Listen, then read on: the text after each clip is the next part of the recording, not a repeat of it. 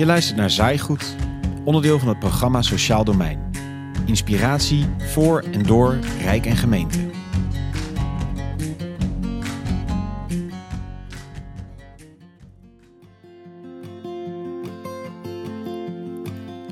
Werk. Het is voor de meesten van ons de belangrijkste besteding van onze dag. Er is dan ook een groot publiek stelsel opgebouwd rondom werk. Wetgeving, sociale vangnetten voor als je geen werk hebt en begeleiding en scholing. In de afgelopen periode heeft de commissie Regulering van Werk, ook wel bekend als de commissie Borslap, onderzoek gedaan naar de staat van de Nederlandse arbeidsmarkt. Eind januari verschenen hiervan de bevindingen in het eindrapport In wat voor land willen wij werken? In deze aflevering gaan we allereerst in op wat de commissie heeft gesignaleerd. En ik kan je alvast vertellen, dat is niet weinig. In de tweede helft komen de aanbevelingen van de commissie aan bod. Daarbij ligt de nadruk op wat raakt aan de verantwoordelijkheden van gemeenten. Je hoort vooral Saskia Klossen, hoogleraar Sociaal Recht aan de Universiteit van Maastricht. Zij is kroonlid van de SER en een van de leden van commissie Borslap. Verder hoor je Joost Bruggeman uit Leiden met een verhaal uit de praktijk en Erik Dannenberg van Divosa. Wat houdt de fundamentele kritiek van commissie Borslap in? Hoe maken we het uitkeringsbeleid echt productief? En hoe zorgen we dat iedereen de intrinsieke waarde van werk kan ervaren? Je hoort het in deze aflevering van Zaaigoed. Een inclusieve arbeidsmarkt voor iedereen.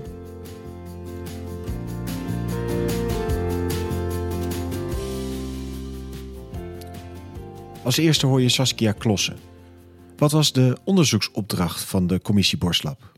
Nou, we hebben vooral gekeken naar de regelsystemen rondom werk en meer specifiek naar de wisselwerking, de onderlinge samenhang tussen het arbeidsrecht, het sociaal zekerheidsrecht, scholingssystemen en fiscale maatregelen. En onze opdracht was na te gaan of dit geheel toekomstbestendig is. Kunnen we daarmee vooruit of zijn aanpassingen nodig en zo ja, waar en waarom? We hebben ons hierover gebogen en vastgesteld dat er behoorlijk wat werk aan de winkel is. De bestaande regels rammelen aan alle kanten, zijn vaak niet consistent en bovendien buitengewoon ingewikkeld. Daar komt bij dat ze vaak niet doen wat ze zouden moeten doen, namelijk bestaanszekerheid garanderen door mensen voldoende werk- en inkomenszekerheid te bieden. Het stelsel schiet op dit punt tekort en dat zorgt voor maatschappelijke tweedeling. Een tweedeling tussen kansrijke en kansarmen zowel op de arbeidsmarkt, denk aan de flexwerkers, de ZZP'ers, als binnen de uitkeringsregimes. Denk aan mensen die langdurig aan de kant staan. Deze tweedeling is schadelijk voor de economie en de samenleving als geheel. Ik zei het al in de introductie, de kritiek van commissie Borslap is niet mild. Het systeem rammelt aan alle kanten, het is niet consistent, het is te ingewikkeld, het garandeert geen bestaanszekerheid, terwijl dat juist het doel is, en zorgt voor een maatschappelijke tweedeling. Er moet dus echt iets gebeuren. De spelregels op de arbeidsmarkt zijn echt toe aan een nieuw ontwerp. Een ontwerp dat de waarde van werk omarmt en dat mensen in staat stelt om duurzaam actief te zijn op de arbeidsmarkt. Ook als ze een lage productiviteit hebben. Want werk is ook voor hen waardevol. En daarom moeten ook zij op een volwaardige manier kunnen meedoen in de samenleving. Kunnen ze dat niet op eigen kracht, dan moeten niet alleen zij, maar ook werkgevers daarbij worden geholpen. De intrinsieke waarde van werk. Wat, wat houdt dat precies in? Werk heeft eigenlijk verschillende soorten waarden. Niet alleen economische waarde, maar ook waarde voor de mens aan zich. Voor persoonlijke groei, voor ontwikkeling, voor eigenwaarde. En het zorgt natuurlijk ook voor sociale samenhang in de samenleving. Er is onbenut arbeidspotentieel, dat is jammer voor de economie. En het is goed voor mensen om aan het werk te zijn goed voor hun eigenwaarde en voor hun ontwikkeling. En we hebben een stelsel om mensen weer aan het werk te krijgen. Wat is daar dan mis mee? Op het eerste gezicht lijkt daar niks mis mee. Het stelsel is namelijk sterk gericht op activering en probeert op allerlei manieren mensen die hun baan verliezen zo snel mogelijk weer terug te brengen naar de arbeidsmarkt. Kijken we naar de praktijk, dan zien we echter precies het omgekeerde gebeuren. In de praktijk, in werkelijkheid, staan juist heel veel mensen langdurig aan de kant. En zeker naarmate de tijd verstrijkt, sluit het bestaande systeem hen eerder uit dan in. Het beleid is dus niet effectief. Maar hoe komt dat? Saskia noemt meerdere dingen. Als eerste zegt ze: het activeringsbeleid is niet productief genoeg, want het komt pas in actie als je zonder werk zit. En het gevolg daarvan is dat de focus veel te weinig ligt op het belang van het voorkomen van uitval door ziekte, arbeidsongeschiktheid of werkloosheid en de belangrijke rol die het behoud en de verdere ontwikkeling van menselijk kapitaal daarin speelt. Dan het tweede punt. Als je eenmaal een uitkering hebt, dan is de ondersteuning die iemand nodig heeft om actief te blijven op de arbeidsmarkt gekoppeld aan het uitkeringsregime waarin je zit. En daar hebben we er nogal wat van. Een belangrijk knelpunt is hier dat ieder regime anders is. Elk regime heeft zijn eigen voorwaarden, zijn eigen ondersteunende voorzieningen en zijn eigen uitvoerders. Het is alsof je overal stempels moet gaan halen om toegang te krijgen tot passende hulp en ondersteuning. Over wat voor regelingen hebben we het dan? Op welke manier is dat systeem zo opgeknipt? Ja, er is ten eerste al een knip tussen werkloosheid en bijstand. Eerst krijg je WW en dan kom je in de participatiewet terecht. En dan heb je binnen het sociale domein heb je ook nog weer allerlei verschillende regimes. Dus je hebt bijvoorbeeld uh, jeugdzorg, je hebt bijstand, bijstand, bijzondere bijstand. Uh, je hebt speciale systemen voor taalontwikkeling, nou, noem maar op. We doen dat om controle te houden op rechtmatig gebruik en om fraude tegen te gaan. En dat is natuurlijk legitiem. Maar de keerzijde hiervan is dat er overal schotten staan. Het systeem stroomt zo niet soepel door. Verder belemmeren de verschillen tussen de regimes een integrale aanpak en het realiseren van maatwerkoplossingen, terwijl dat nu juist aan de basis van de arbeidsmarkt zo belangrijk is. En verder zorgt het voor fragmentatie en dat maakt het systeem buitengewoon ingewikkeld en voor gebruikers nauwelijks te volgen. Het is toch raar. Er is onbenut arbeidspotentieel, er zijn tekorten op de arbeidsmarkt, werk is goed voor mensen en toch komen vraag en aanbod niet bij elkaar. We gaan naar Joost Bruggeman van de gemeente Leiden. Hij is onder andere verantwoordelijk voor het project Basis van de arbeidsmarkt.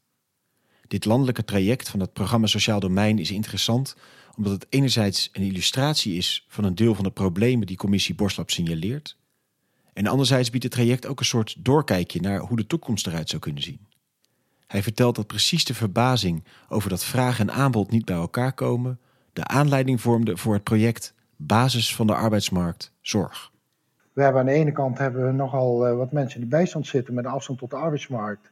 En aan de andere kant zien we dat er in de verpleeghuiszorg met name uh, gigatekorten zijn uh, aan personeel, maar bovendien weinig aandacht voor, voor de bewoners die dat op een oude dag toch heel hard nodig hebben. waarbij verpleegkundigen hun stinkende best doen om de juiste zorg te geven. Maar door allerlei omstandigheden, onder andere flinke bezuinigingen de afgelopen jaren, niet voldoende toekomen aan het verlenen van voldoende aandacht, maar wel het verlenen van specialistische zorg. Dus 1 en 1 is 2. We brengen mensen in beweging vanuit het bestand. Die bemiddelen we richting de zorg en uh, iedereen blij. Dat was het idee. maar uh, nou ja, dan start je met de 6, 7 gemeentes verspreid over het land. Onder andere Enschede, de Dalgemeentes in, in het Groningse. En zijn in samenspraak met het ministerie van VWS uh, zijn we gaan kijken van, joh, wat zouden we eraan kunnen doen om die mensen in beweging te krijgen en zo die tekorten in die zorg wat, wat weg te nemen. Uh, en dan is het vooral eerst maar als je netwerk proberen in kaart te brengen van je werkgevers in je regio en daarmee aan in gesprek te raken. en dan merk je al snel dat de ene, het ene verpleeghuis niet het andere is.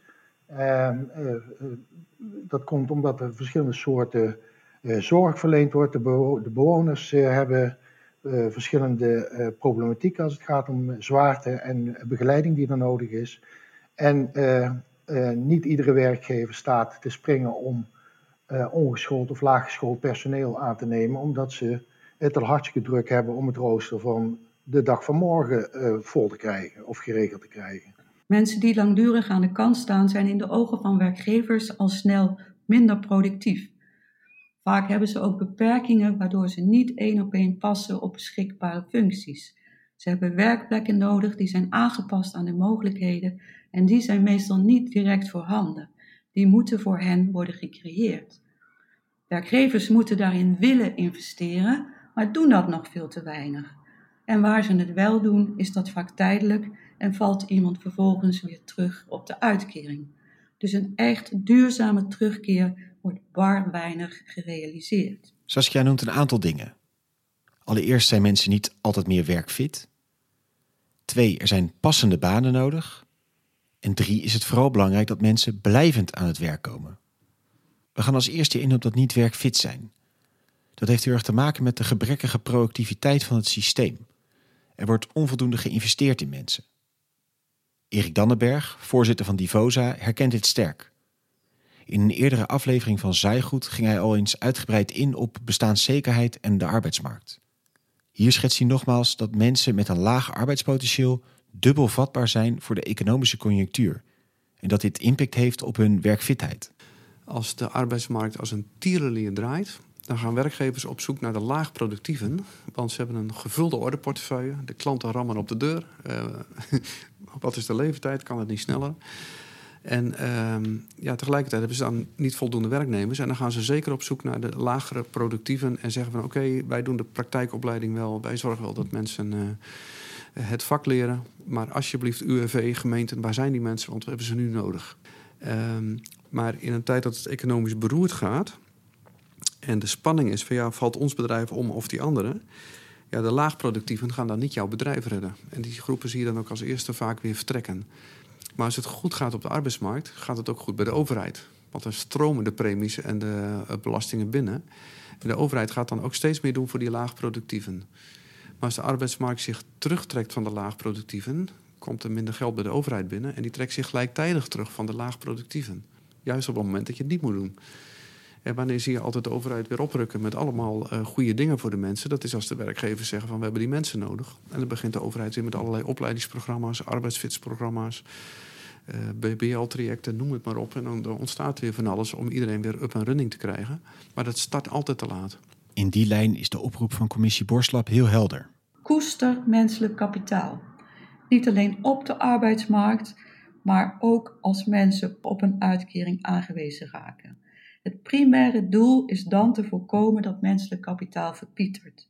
Houd mensen werkfit, zorg dat ze in conditie blijven, hè, zodat ze eh, met de juiste bagage aan de start verschijnen als zich kansen gaan voordoen. Als mensen, uh, even met de metafoor, tien jaar lang op de carpoolplaats hebben gestaan, kun je ze niet in één keer oppakken en op een snelweg zetten waar 130 gereden wordt. Um, dat, dat werkt niet zo. Mensen die langdurig inactief zijn geweest, die, die nou ja, verlies van uh, digitale vaardigheden, maatschappelijke vaardigheden, uh, dag-nachtritme, gezondheid, uh, zelfvertrouwen. Op alle fronten zijn ze eigenlijk achteruit gegaan. Inactiviteit maakt mensen echt sociaal en fysiek ziek. En dan kun je niet zeggen, nou nu hebben jullie weer nodig, kom op. Oké, mensen moeten dus werkfit gehouden worden en er moet juist in laagconjunctuur in hen geïnvesteerd worden. De twee andere punten van Saskia waren dat er passende banen nodig zijn en dat het vooral belangrijk is dat mensen structureel aan het werk komen. We gaan terug naar Leiden. Joost vertelt over de aanpak die opgezet is in Leiden om mensen uit de bijstand aan het werk te laten gaan in verzorgingstehuizen, in zogenaamde aandachtsbanen. Hij gaat daarbij in op de aanpak en hij vertelt ook over de middelen die deze aanpak mogelijk maken. Hij noemt onder andere de transitiemiddelen die tijdelijk tot 2021 beschikbaar zijn je hebt een potentieel geschikte kandidaat. Hoe leiden we die toe naar die baan? Dus in het voortraject bij de opleiding en training, daar betrek je natuurlijk die werkgever eh, nadrukkelijk bij. Hè? Want wat voor vaardigheden moet iemand beschikken? Uh, waar, waar, moet hij over beschikken? Wat uh, moet hij nog uh, aanvullend leren? leren op de werkvloer? Wat voor begeleiding geef je daar? Nou, dat zit vooral in dat voortraject, waarbij die transitiemiddelen, maar ook participatiebudget vanuit, vanuit de gemeente financieringsstroom zijn om die, die toeleiding te financieren. Vervolgens wordt zo iemand aangenomen, maar dan zit die werkgever nog steeds van ja, die begeleiding op de werkvloer. In de beroepscontext kan ik dat en is dat natuurlijk ook mijn verantwoordelijkheid om iemand daarin te begeleiden. Maar als het gaat om alle andere randvoorwaarden voor een werknemer, gezien zijn gezinssituatie, mogelijke schulden enzovoorts, komen eigenlijk die middelen voor tekort. En daar is zo'n perspectief op werk uh, subsidie van het ministerie van Sociale Zaken een deel daarvan zou je daarvoor kunnen gebruiken. Nou, dat was hier in ieder geval onderwerp van gesprek en dat pakken we straks ook weer op. als de coronacrisis, als, dat weer een beetje, als we weer een beetje naar normaal gaan. en natuurlijk het, het dienstverband van, van die werknemer die gewoon betaald wordt door de werkgever. Nou, Saskia zei het al aan het begin, het stelsel is veel te verkokerd. Je hoort het hier goed aan het verhaal van Joost. In Leiden hebben ze allerlei potjes en tijdelijke en vaste middelen aan elkaar moeten verbinden om dit traject mogelijk te maken. Een tweede herkenbare component uit het verhaal van Joost is dat de banen waarin deze uitkeringsgerechtigden moeten instromen over het algemeen nog niet bestaan. Daarom zijn ze in Leiden aan de slag gegaan met een functieanalyse. Bij één specifieke zorginstelling zijn ze een afdeling tegen het licht gaan houden. Op deeltakenniveau is er uh, heel erg uh, uitdrukkelijk gekeken en op, middels interviews met die verpleegkundigen van wat doe je nou de hele dag aan taken en, en werkzaamheden en wat hoort nu uh, bij jouw professie hè, aan je, en, en wat zou iemand anders aan taken van je kunnen overnemen om je je focus te kunnen houden op je professionele dienstverlening en je professionele zorg. Nou, en daar komt naar voren dat er uitgerekend wordt van nou, hoeveel uur per week ben je nou bezig met bijvoorbeeld die limonade rondbrengen, met de eye over de bol, het gesprekje met een bewoner, de was ophalen en weer de schone was weer, weer terugbrengen. Al dat soort eten rondbrengen. Mensen van hun kamer naar het restaurant brengen om s ochtends, nou ontbijten doen ze dan op de kamer, maar smiddags te eten in het restaurant en s'avonds ook. Als je dat bij elkaar optelt, dan kom je dus op weekbasis, kom je op die 12 FTE aan 3, 3,5 FTE aan taken die ook iemand anders kan uitvoeren, zodat die verpleegkundige meer, meer lucht krijgt. Het is een grondig traject wat ze bij deze zorginstelling zijn aangegaan, maar wel met succes. En om daar nou een idee bij te krijgen, in september 2019 is er uiteindelijk, eh, zijn er uh, vier mensen aangenomen op uh, die laag en ongeschoolde werkzaamheden. En dat bevalt zo goed dat die werkgever dat nu op meerdere afdelingen binnen dat tehuis en andere tehuizen wil gaan uitrollen. En het mooie daarvan is, is dat je als je dit deelt met andere werkgevers in het veld, dat die, diegenen zei, in eerste instantie waren ze helemaal niet in voor uh, zo'n onderzoek, die functieanalyse. Ze zien nu dat het resultaat oplevert en trekken aan de bel bij het UWV om ook zo'n functieanalyse te laten uitvoeren. Dus ja, ik zeg altijd maar zo, binnen die zorg, als je tijd van leven hebt, dan kun je nog aardige resultaten boeken. Het verhaal van Joost over Leiden en de aandachtsbanen is zo een mooie illustratie.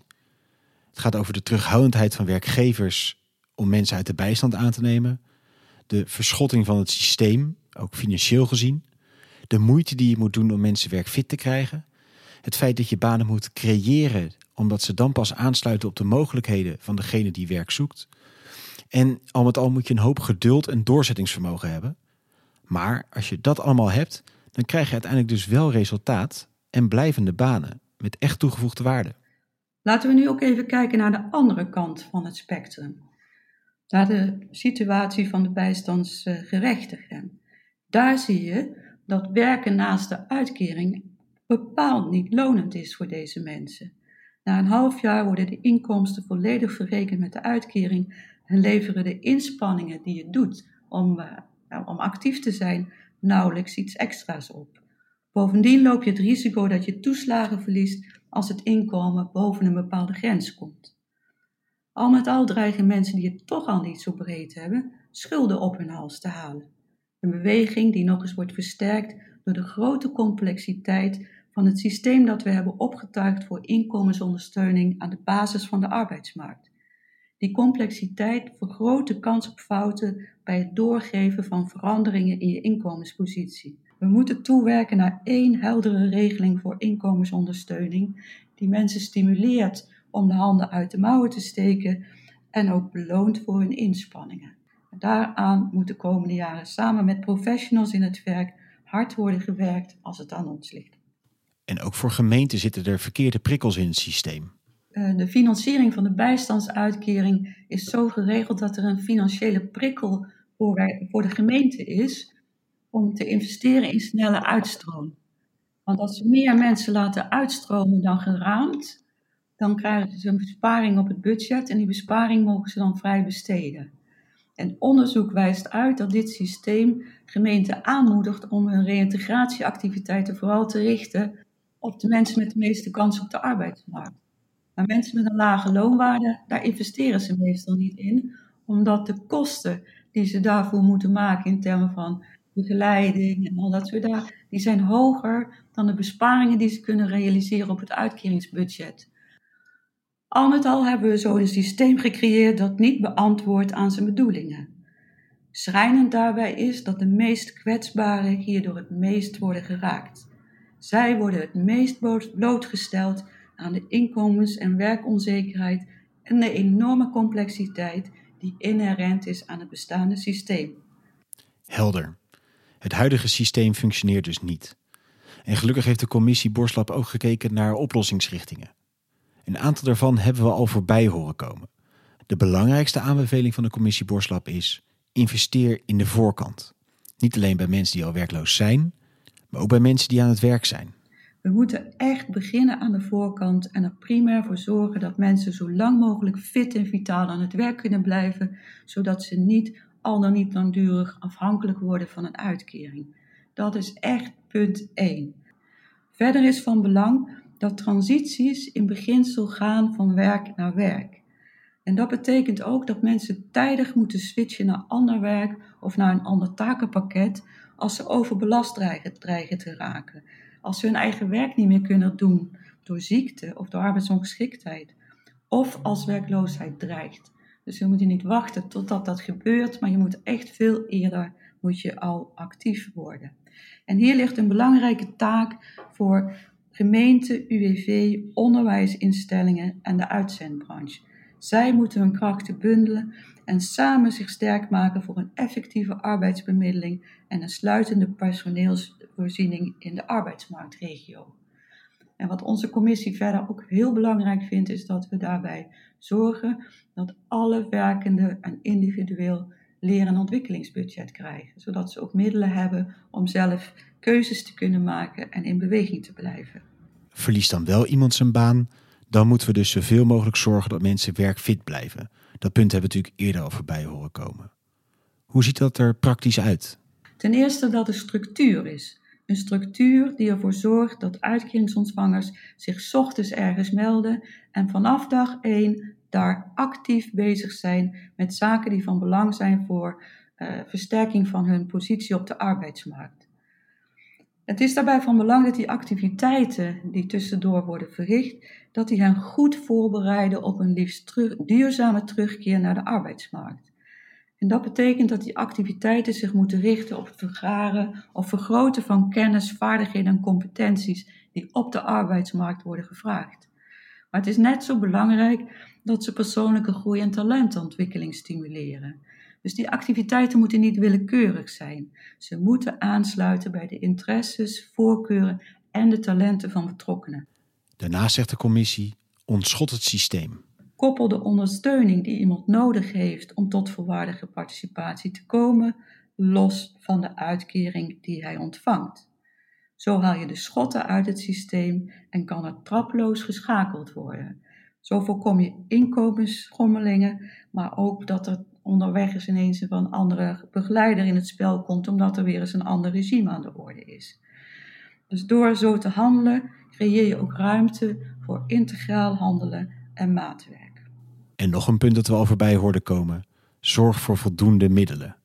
Dat is een punt dat commissie Borslap maakt en ook Joost Bruggeman uit Leiden graag wil benadrukken. Nou, ik denk uh, sowieso de begeleiding uh, op de werkvloer, uh, ook voor mensen die op papier 100% loonwaarde hebben, om daar extra middelen voor beschikbaar te stellen om iemand goed te kunnen laten landen. En dat kun je niet allemaal van die werkgevers verwachten.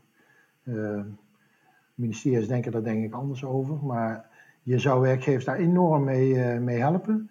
Al is het maar om de komende jaar, komende anderhalf, twee jaar te laten ervaren dat als je mensen goed begeleidt bij, bij het landen op die werkplek, dat ze uh, op een gegeven moment zien dat die investering loont En dat ze dat over twee jaar of zo eh, zelf gaan financieren. Dus wat ook nodig is, is dat er een verschuiving komt van uitkeringsgelden naar gelden voor begeleiding, scholing en activering. Een proactief beleid kan daaraan bijdragen, maar dat heeft wel tijd nodig. En het is van groot belang dat we intussen toewerken naar een veerkrachtig investeringsmodel waarin de juiste interventie op de juiste plaats, moment plaats kan vinden. Dat model zou anticyclisch moeten worden ingericht, zodat buffers worden opgebouwd in goede jaren die in magere jaren kunnen gebruikt worden voor investeringen in mensen. En tot slot een punt wat zo mooi naar voren kwam uit het voorbeeld van Leiden. Uiteindelijk moet je werkplekken creëren om mensen duurzaam aan het werk te helpen. Een echt activerend en inclusief arbeidsmarktbeleid komt natuurlijk niet van de grond zonder geschikte werkplekken voor mensen die niet één of één passen op de beschikbare functies. Die werkplekken moeten voor hen worden gecreëerd. Eh, overheidsinstellingen, werkgevers moeten daarin investeren, maar ze hebben daar vooral ook professionele ondersteuning bij nodig. Laten we daarin voorzien. We zouden eigenlijk ook moeten onderzoeken hoe we betaald werk kunnen maken van waardevolle activiteiten die nu blijven liggen. Denk aan ondersteunende activiteiten in de zorg, in het onderwijs. Denk aan versterking van de sociale basis in wijken en structuren. Laten we eens kijken of we betaald werk kunnen maken van het bestrijding van eenzaamheid of van het ontlasten van mantelzorgers door allerlei klusjes zijn uit handen te nemen. Het is nu aan de drie P's, de praktijk, de polder en de politiek, om hieraan concreet samen handen en voeten te geven. We hebben daarvoor richtinggevende principes en bouwstenen aangereikt en zijn bewust niet verder gegaan dan dat, in de overtuiging dat de daadwerkelijke concretisering van toekomstig beleid het beste beklijft als alle relevante stakeholders daar samen de schouders onder zetten. Dat geldt voor het vinden van een nieuwe balans op de genoemde punten, maar zeker ook voor het creëren van een echt activerend en inclusief arbeidsmarktbeleid.